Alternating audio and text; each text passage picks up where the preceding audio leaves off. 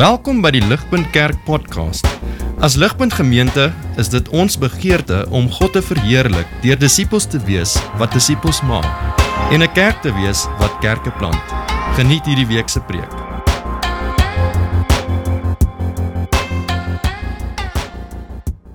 Laasweek het Johan van As vir ons deur die begin van hoofstuk 4 gevat en ons gewys die massiewe teenstand van die Joodse leiers teenoor die apostels. Petrus en Johannes. En hoekom was dit so as ons net daaraan dink? Dit was nie so seer omdat hulle 'n man genees het soos ons in daai teks lees nie, maar aan wie hulle daai krag van genesing toegeskryf het. Jesus Christus van Nasaret van God. Petrus en Johannes, as ons onthou, hulle word toe gevange geneem. Hulle word gestel toe voor 'n Joodse raad en hulle word streng verbied selfs gedreig om nie in die naam van Jesus Christus te spreek nie. Maar wat is die einde? Eindig ons boek Handelinge net in hoofstuk 4. En dan hoor ons verder meer niks van die kerk na dit nie. Nee.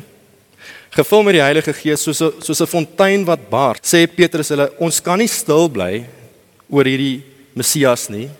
Ons moet eerder God gehoorsaam as mense, want daar's geen naam gegee onder die mense onder die hemel waardeur ons gered nie. Joodse raad, julle kan doen wat julle wil, ons dra nie terug nie. Ons bly nie stil oor hierdie Christus nie. Die Joodse leiers se hande is geboei. Daar sien hulle die man, hy is geneem. Die mense verheerlik God. So hulle kan niks anders te doen nie as om Petrus en Johannes te laat gaan nie. En dit bring ons na ons teks van vanaand verse 23 tot 37, nie 33 nie. En uh, vanaand gaan kyk na die tema van boldness, vrymoedigheid, Christian boldness. En ons sien in ons teks dat die gelowige se eerste reaksie is om in gebed te tree met die Here. Petrus kom terug. En vers 23 en 24 sê vir ons dit behoort op die skerm te kom. And being let go they went to their own companions and reported all that the chief priests and elders had said to them. So when they heard that, they raised their voice to God. Hulle was in gebed. Hoekom? Want hulle wou boldness ontvang van die Here. Vers 29 sê vir ons servants that with all boldness they may speak your word. Die hele konteks van ons teks vanaand wys vir ons dat in hierdie lewe Die persoon wat hom of haarself identifiseer met Jesus Christus nie van hierdie wêreld is nie. Jesus bring skeiding. Party mense het geglo, maar ander mense het verwerp. Dis hoekom die vroeë kerk vir daai vrymoedigheid gebid het, vir daai bold. En dis hoekom ons dit vanaand ook aan ons wat onsself Christene noem, weet ons, ons is geroep om getuies te wees van Jesus as ambassadeurs van koning Jesus. Ons word gestuur om sy boodskap te dra. Maar ons rag om in hierdie wêreld sy naam te verkondig en oor te dra aan 'n vyandige en rebelse wêreld. Maar hierso kan ons nou elkeen vra aan elkeen van ons hier vanaand. Waar gaan ons vir daai boldness wanneer ons geloof swak is? Wie is ons toevlug wanneer ons krag nodig het om sterk te staan? Vir ons geloof. Wat bemoedig my om 'n entoesiastiese getuienis te wees van Jesus Christus? Ons weet ons met die evangelie dra aan mense, aan ons vriende, aan ons kollegas by die werk en selfs ons familie. Maar as ons eerlik meeste van die tyd bly dit maar net 'n wete en dit lei nie na aksie toe nie. Want iets iets hou ons terug. Ons is ons is bang Ons is bang om te offend. Wat gaan mense dink? Wat as hulle my gaan spot? Wanneer jy jouself vind voor jou oom, jou werksvriende, jou vriende op kampus, jy weet jy kan Jesus deel met hulle, maar ons ons ons doen nie. Dis die stryd tussen vrees en boldness. En dit lyk my net vir ons dat vrees altyd eerste plek kry. Vrees kom altyd bo. Daar's baie ander gevalle, maar dit is duidelik ons huiwer om in meeste gevalle Jesus te verkondig as Here en Verlosser. Hoe kan ons wees soos hierdie Christene soos ons tans gelees het in ons teks, soos Petrus en Johannes om saam te Jesus Christus te proklameer? Al is dit vreesagtig. Al is dit iets wat ons bang maak. Die eenvoudige vraag is dan ons vir daai boldness. Waar gaan ons om moed te kry? Is ons bang? Druk ons deur met ons geloof in wat ook al situasie ons mag vind. Al moet ons selfs vervolg word vir Christus. Hoe oorbrug ons daai gaping tussen die gelowiges daai tyd huidige konteks? Hoe kry ons daai boldness wat hulle gehad het en vervang ons dit daai boldness waar daar net vrees is? En dis wat ons vanaand gaan doen. En het, en ons gaan dit doen deur na twee punte te kyk. Eerstens God se soewereiniteit gee ons daardie boldness. God se soewereiniteit. Dis verse 23 tot 28. En tweedens die vrug van daardie boldness. Verse 29 tot 37. Kom dat die Gees ons sal lei in hierdie taak. Sluit die oë asseblief. Almagtige Vader, Here, ons weet ons kom na U toe en ons tree op heilige grond. Here, ons ons vra dat U ons geloof sal versterk, Here, dat ons harte oop sal wees vir hierdie. Here, ons wil net bely dat ons is swak mense in geloof, Here, maar ons dankie Here dat ons hierdie geleentheid het om onder die woord te kom staan, Here. Sal U ons bemoedig en elkeen van ons harte warm maak vir U soos ons hoor. Here, ons beer van U naam en ons doen dit net vir U naam, Jesus Christus. Amen. So hoe kry ons boldness soos ons hier sien in ons teks? Hoe word die krag van vrymoedigheid groter as vrees? En dit bring ons na ons eerste punt. sien God se soewereiniteit. sien God se soewereiniteit. Lees saam met verse 23 tot 24. Dit gaan vir ons opkom. And being led they went to their own companions and reported all that the chief priests and elders had said to them. So when they heard that, they raised their voice to God with one accord and said, Sovereign Lord, you are God who made heaven and the sea and all that is in them.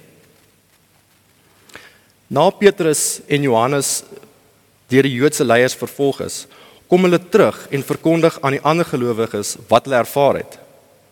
Wat is die se eerste reaksie? Sit hulle in in sak en as en wonder by hulle self, hoekom gebeur sulke slegte dinge met Christene? Is hulle gedagtes een van ja, maar het God nie besef dat die naam Christus bring vyandskap nie. Hierdie Jesus ding, dis ek gaan maar teruggaan na my ou lewe. Is dit wat hulle gedoen het? Wat sê die teks? Nee. Waar is hulle fokus? Hulle ons hulle fokus en aandag is nie op hulle omstandighede nie, maar is op die persoon van God. Hy is die soewereine Daai is nie ek nie. Hy is die soewereine Skepper God. They raised their voice to God. They said, "Sovereign Lord, you are God who made heaven and earth and the sea and all that is in them." Die Skepper wat alles gemaak het. Hy is almagtig. En hierdie God is die een waarmee die gelowiges in verhouding is. Die vervolging kan groot wees, ja, maar God is groter as hulle. Maar verder, wat ek wil hê ons moet sien is wat bely hierdie gelowiges ook? Wat bely hulle? Ons gaan kyk vanaf die tweede helfte van vers of julle kan julle Bybels ook volg. Hierdie teks hierbo, wat bely die vroeë Christene in hierdie teksgedeelte? God is soewerein. God is die opperheer wat nie net almagtig is nie, maar ook sovereign. Kante ding wat aangehaal word in hulle gebed. David skryf die volgende: Why did the nations rage and the people plot vain things? The kings of the earth took their stand and the rulers were gathered together against God and against his Christ. Dis Psalm 2. Hoe demonstreer dit God se soewereiniteit? Mag ons vra. Dawid het mos 1000 jaar terug hierdie geskryf. Hoe werk dit? geïnspireer deur die Heilige Gees, profeteer koning Dawid hier die sekerheid van Christus se koninkryk. Ten spyte van die opstand van die wêreld, R.C. Sproul verduidelik dit so. Dit hoor ook op te kom. Hy sê die volgende: What is being described in Psalm 2 is a summit meeting between the most powerful people in the world, those who refuse to submit to the dominion of God and his reign. It is an international conspiracy in defiance against the lordship Almighty. In hierdie Christene hoe eintlik waar hierdie Psalm gegaan het. sien vers 27, dit word ook opgekom. For truly against your holy servant Jesus whom you anointed, both Herod and Pontius Pilate, Gentiles, and the people of Israel were gathered together. Hierdie vervolging vervolging wat hulle tans beleef in Jesus se naam, dis nie iets niets nie. Dis nie iets wat God onkan gevang het nie. O God, wat gaan nou hier aan nie? Nee, nee, nee. Hoe kan dit? Want die Here het dit 1000 jaar terug verkondig deur Dawid dat dit sou gebeur. Die leiers van daardie tyd, beide die Joode en die Romeine, het saamgesweer, 'n tipe unholy alliance as jy wil, dat hulle teen God die Vader en sy seun sou opstaan. En wat het hulle gedoen? Het hulle Jesus gekruisig, die seun van God doodgemaak? The rulers gather against the Lord and against his Christ? Die antwoord is ja. Is hulle besig om nou Jesus se disippels te vervolg? Die antwoord is ook ja. Petrus en Johannes is bid om Jesus se naam te verkondig. Dis waar. Maar juis hierdie Psalm bemoedig hierdie gelowiges. Hoekom? Van alle dinge. Hy is soewerein. Hy is sovereign. Ons hoef nie te vrees vir teenstand nie. Vers 28 sê in Romeine did to do whatever your hand and your purpose determined before to be done. Wat God se vyande gedoen het, is binne sy wil En dit is wat hierdie Christene vriend het. Dis wat vir hulle daai boldness, die vrymoedigheid gegee het om God se woord oor te dra, ongeag omstandighede. Want hulle besef dat geen menslike planne buite die beheer van realiteit werk nie. Verwerping is iets om te antisipeer. Maar dis nie buite God se wil nie. Dis wat vir hulle daai boldness gegee het om die evangelie te deel want God is in beheer, absolute regerende beheer. Daar word gesê van Queen Elizabeth that she reigns but she does not rule. Sy is die simbool van autoriteit. Praktiese doeleindes regeer sy nie. Sy sit maar net in Buckingham Palace, dink ek. Maar nie so met God nie. Hierdie teks wys vir ons dat nie net heers God nie. Hy sit nie net oon en vergader stof nie, maar hy sit op 'n executive throne, 'n uitvoerende troon. Hy regeer oor alles en almal, selfs oor die bose besluite van mense en hy gebruik dit vir sy doeleinde. John Piper beskryf God se soewereiniteit so. When we say God is sovereign, We mean he is powerful and authoritative to the extent of being able to override all other powers and authorities. Nothing can successfully stop any act or any event or design or purpose that God intends to certainly bring about. In God's sovereignty is his right and power to do that he decides to do. Wat beteken hierdie realiteit vir ons vandag? Hoe help God se soewereiniteit my? Vir die gelowige aan die een kant bring dit troos. Maar ook aan die ander kant vir die onge is dit 'n terreur, 'n terror. Troos vir die Christen. Soewereiniteit bemoedig ons dat niks met ons gebeur buite God se voorsiening nie. Nothing happens outside the providence. Ons verkondig God se heerskappy en verlossing in Jesus. Kan dit met boldness doen. Want niks kan God Hy het jou lewe. Dit bring Besef julle wat hierdie beteken? Vervolging waar of jy gaan is deel van sy plan. Ons sien dit hier met die vroeë Christene. Die teenstand is deel van God se plan. Hierdie vervolging was eintlik die platform van verdere uitbreiding van die evangelie. Ons gaan dit in latere hoofstukke sien. Ons weet miskien nie hoe vervolging en uitdagings werk binne God se plan nie, maar God is oneindig wyser as ons. Hy weet wat hy doen en hy weet sekere dinge toelaat. As jou hart is om Jesus te deel, is elke situasie wat jy dink dalk 'n verlies. Ek voel my getuienis met hierdie ongelowige was 'n mislukking. Hy het niks daarvan gevat nie. Of hoekom is my vriende? Waarom is my familie? Hoekom is hulle so koud en afstootlik vir die Here as ek oor hom praat? As jou hart is om Jesus te deel, al lyk dit soos 'n verloor, is dit vir God.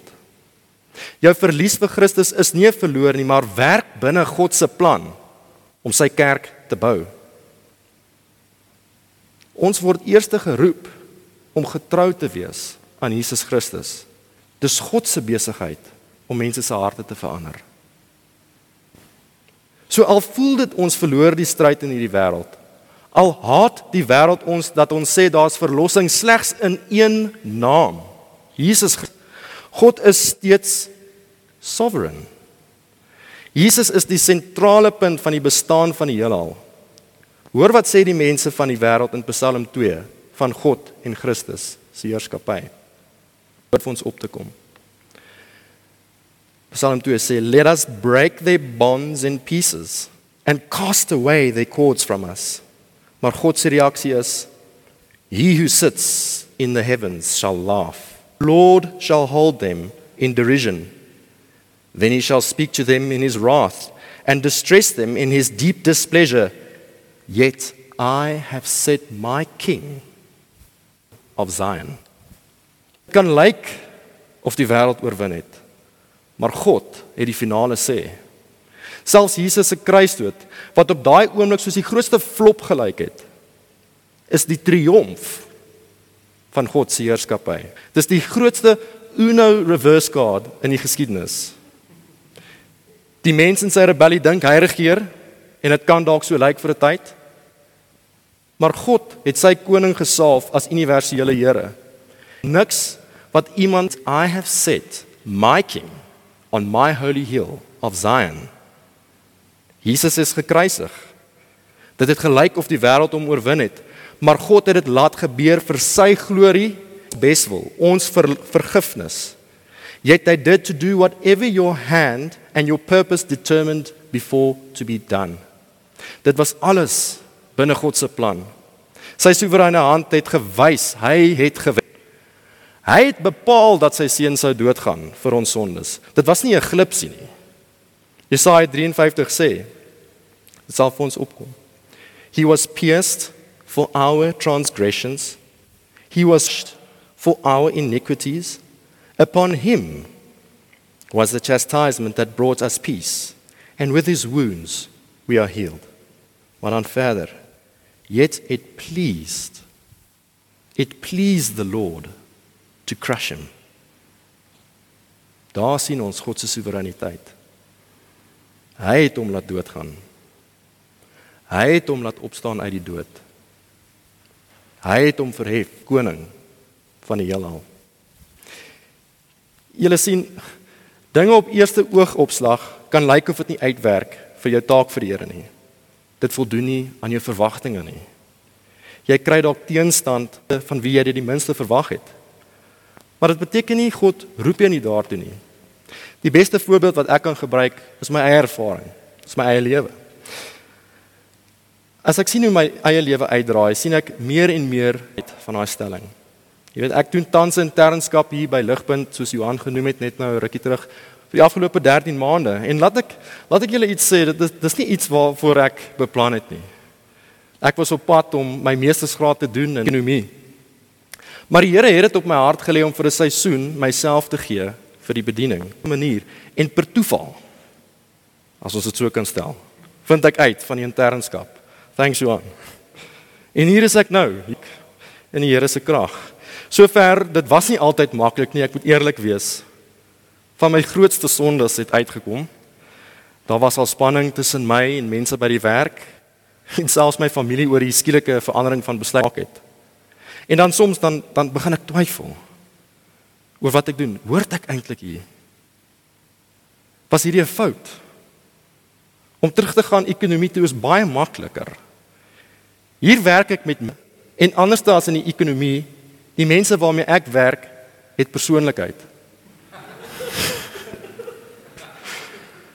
Maar maar tog hier diep binne het ek geweet hier is waar van sy soewereiniteit. Ek ek hoef nie te worry nie. Want God is besig om my te shape, om my te vorm vir sy glorie. Aandiens as jy God se kind is, het hy jou presies waar hy jou wil hê. In die werk waar jy nou is, op die kampus waar jy studeer, God se soewereine hand het jou daar geplaas en Jesus regeer selfs daar. Hy gee jou die boldness om te wees aan hom. Om sout en lig daar te wees vir hom. So aandiens moenie vrees nie. God has set his king on his holy hill of Zion. Ons omstandighede is goed nie. Maar daar's 'n God groter as ons omstandighede. Inteendeel alles wat gebeur met die Christen, gebruik God vir ons beswil en sy glorie. Daarin lê ons boldness. Daarin kan ons vrymoedigheid hê, nie eers wanneer omstandighede verander nie, maar vertroue in Hom wat oor alle omstandighede regeer. God se soewereiniteit is vir die gelowige 'n troos. Wanneer ons God se heerskappy sien in alles, dis die antwoord hoe om boldness te kry, om ten spyte van my vrese deur te druk en Jesus se naam te verkondig. Daar waar ek kollega, my vriend, 'n vreemdeling. Jesus regeer selfs daar. En daardie gee daardie wete gee my die vrymoedigheid. Dit gee my die bal. Maar ook kortliks kyk na die ongelowige. As jy miskien hier sit vanaand, wat beteken God se soewereiniteit vir jou? Vanaand sê die teks vir ons dat sy sovereignty beteken dis vir jou 'n terreur. Ek kan dit nie beter stel. Terror. Die mense van hierdie aarde, die wêreldheersers, hulle kan dink, hulle kan maak net soos hulle wil. Jy kan dink jy's die outeur van jou eie lewe. Jy kan glo jy's jou eie koning. Maar daar's 'n hemel wat met 'n eystersepter regeer. Jy kan sy volgelinge stilmaak. Jy kan hulle dreig. Maar daar's 'n soewereine God wat Psalm 2 sê wat vir jou lag. Beheer. Dis wat die Here sê. Hoe kan jy dink jou plannetjies gaan my keer? Ek het my seun op die troon gesit. In Psalm 2 sê vir die ongelowige die sal vir ons opkom. Kiss the son lest he be angry and you perish in the way. Jesus eis van jou gehoorsaamheid. Val voor sy voete. Erken sy heerskappy. Die lewe gaan nie oor jou plannetjies nie.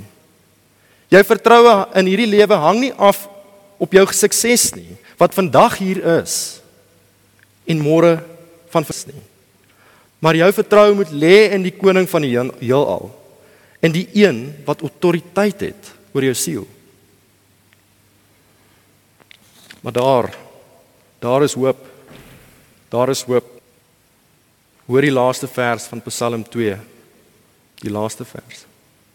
Blessed are all those who put their trust in him.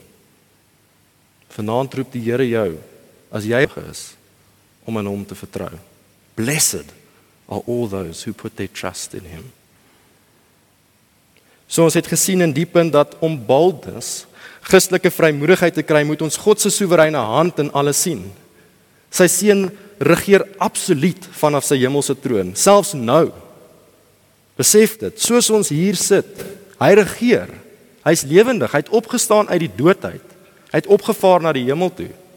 Hy in die regterhand van die Vader. So ongeag my al het ek vrees, het ek sekerheid van een ding dat God soewerein is en daarin is my bron van Maar het hierdie gebed om boldness vrug gedra? Dit bring ons na ons tweede punt. Wat is die vrug van hierdie gebed? Vers 29 tot 35 is waarna ons gekyk en dit hoort vir ons ook op te kom. Wat ons in hierdie teksgedeelte moet sien is eerstens God se woord is die basis van hulle gebed om boldness. Soos ons gesien het Psalm 2 was aan toe vra hulle die Here vir boldness. Vers 29 het gesê now Lord look on their threats and grant your servants that with all boldness they may speak your word. Hulle vra nie vir God om hulle omstand verander nie of vir veiligheid nie. Maar hulle vra vir vrymoedigheid. Hulle vra vir boldness. Hulle het gebid sodat hulle die evangelie kon verkondig aan 'n verlore wêreld. Aan ons vanaand. Wanneer laas het ons gebid vir ongelowiges? Vir boldness om die evangelie te deel. Vir harte wat koud is. As het ons God se woord teruggebid na hom toe. Ek dink as ons moet eerlik wees, self ons ons omstandighede, oor ons probleme, eerder as oor die redding van ander en die persoon. Ons ons voel gees want ons lewe nie in God se woord nie. Kom ons leer hier uit en en en bid meer, maar meer as net sê bid meer. Mag en dat die krag van God ons en toerus om sy woord oor te dra. Lord grant your servants that with all boldness they may speak your word. Tweedens wat ek wil hê ons moet sien is is hulle afhanklikheid teenoor die Here. Dit lei tot die vulling van die Heilige Gees. sien die tweede helfte van vers 31. And they were all filled with the Holy Spirit and they spoke the word of God with boldness. In vers 33. And with great power the apostles gave witness to the resurrection of the Lord Jesus and great grace was upon them all nor was there anyone among them who lacked. Al Hallesby, 'n teoloog het eens gesê dat prayer is the conduit through which power from heaven is brought to earth. Prayer prayer is the conduit through which power of heaven is brought to earth. En hier sien ons hierdie krag van die hemel.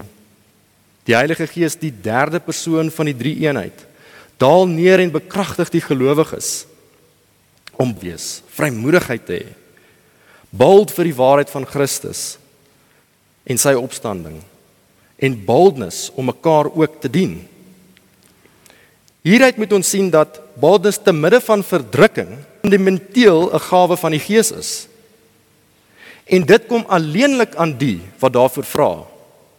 The Spirit fills them with Christian boldness because they petition the throne of grace to bestow generously het iemand gesê. They petition hulle smeek the throne of grace. Daar is ons boldness. Hemel is die bron daarvan. Dis daar vir elkeen wat Christene is. Ons moet net vra daarvoor. Dis 'n gebed. You ask you have not because you ask not het Jesus gesê. As ek Petrus waarheen gaan ek vir my kar? Ek gaan na 'n garage toe. Dis baie eenvoudig. As ek wil fiks wees, gaan ek gym toe. As ek wil lei wees, lê ek by die huis. Selfde met hierdie wat boldness kort. Waar gaan ek om boldness te kry? Ek gaan na die Heilige Gees toe in gebed in gebed. Hierdie volgende vers woord vir ons op te kom. Johannes 17 vers 16 sê vir ons and i will pray there's no jesus wat hy praat and i will pray the father and he will give you another that he may abide with you forever the spirit of truth. He dwells with you and will be in you. I will not leave you orphans I will come to you. Maar voor ons eindig vanaand mag iemand dalk vra wat hier sit. Johan, ons het nou deur hierdie teks gewerk. Ek sien hoe dapper was hierdie gelowiges hier en hoe hulle sterk gestaan het vir hulle. Hoe die Gees hulle boldness gegee het. En hulle het nie eens teruggestaan vir Jesus nie. Maar maar wat is ek vrees om oor Christus te praat? Ek weet daar's ervaring in my waar ek weet ek moes oor Jesus gepraat het. Maar ek het nie. Ek het nie. Wat dink Jesus van my in daai mislukking? As ek misluk het in so 'n situasie. Dis 'n geldige vraag. Daarvoor wil ek net vra. Dek Jesus se kruisdood nie ook selfs daai sonde nie. Smeer die bloed is nie ook daai skaamte toe het hy nie ook daarvoor betaal nie. Ek weet ons is skaam vir hom. Ek ken en weet uit ervaring. Ek weet dit. Wat maak ons daarmee? Kyk vir Petrus. Ons het van hom gehoor vanaand en laasweek. Hier preek hy Jesus met boldness. Maar 'n storie. Wat het hy deurgegaan toe hy saam met Jesus gewandel het. Hy sê met alle entoesiasme trots: U is die Christus van die lewende God. As ek moet, is ek bereid om saam met u dood te gaan. Ek sal u nooit verloor nie. Ek sal u nooit verwerp nie. Toe Jesus voor die Joodse raad staan, wat het hy gedoen? Onthou julle? Nie net is hy skaam vir Jesus nie. Hy verloon Jesus 3 keer. Ek ken hom nie. Ek ek sweer by die hemel, ek ken die man glad nie. Jesus van Nasaret, is hy? Ek het van hom nog nooit gehoor nie. Dis 'n volgeling van Jesus. Petrus het toe bitter gehuil, bittere berou gehad. Ek het my Here verloon. I rejected Christ. Maar gaan lees 21. Na Jesus se opstanding. Daar is Jesus en hy kom na Petrus toe en hy reik eers na hom uit. Hy vergewe hom en hy hervestig hom as 'n getroue apostel. En die storie vanaand gaan grootendeels oor Petrus se boldness ook. Ons is soos Petrus in baie gevalle die rykheid van Jesus se genade dat hy selfs vir jou skaamte vir hom betaal het aan die kruis. Toe jy jou rug vir hom draai, het hy sy gesig gedraai na die Vader toe. Volle straf wat op jou moes kom en my moes kom, het hy gevat en geneem vir ons onthaalwe. Dat Jesus selfs my sonde vergewe as ek my vir hom skaam. Wat 'n groot genade is dit nie. Wil ons nie juis meer oor so 'n redder praat nie. 'n Verlosser wat tot die uiterste red selfs in jou diepste swakheid. Maar gaan na hom toe en bely jou skaamte aan hom. As sy gees in jou vanaand woon, sal hy jou terugbring. Ek eindig met Hebreërs 7 vers 25. Dit sal ons opkom. He also able to save to the uttermost those who come to God through him since he ever lives to make intercession for them. Amen. Kom ons bid saam. Almagtige God en Vader, ons Bely Here dat ons harte soms swak is, Here, om vir U boldness te hê. Here, maar ons dankie dat in die diepste van ons sonde het Jesus ingegryp en ons genees van ons sonde. Soos Jesaja sê, Here, he was bruised for our iniquities and it pleased the Father to crush him. Dankie Vader, Here, dat ons lewe het in sy naam en dat ons met volle vrymoedigheid kan hê om as ambassadeurs uitgeroepenes van Christus die evangelie te gaan verkondig aan 'n wêreld. Here, soos die stelling gaan, Here, ons is soos bedelaars wat brood gevind het en en en en weens ons opgewondenheid, Here, vertel ons ander mense van die lewende brood. Here, mag ons daai boldness hê om dit te doen in 'n wêreld wat nie U ken nie. Ons bid dit in U naam. Amen. Vir meer inligting oor Ligpunt Kerk, besoek gerus ons webwerf op www.ligpunt.com of kontak ons gerus by info@ligpunt.com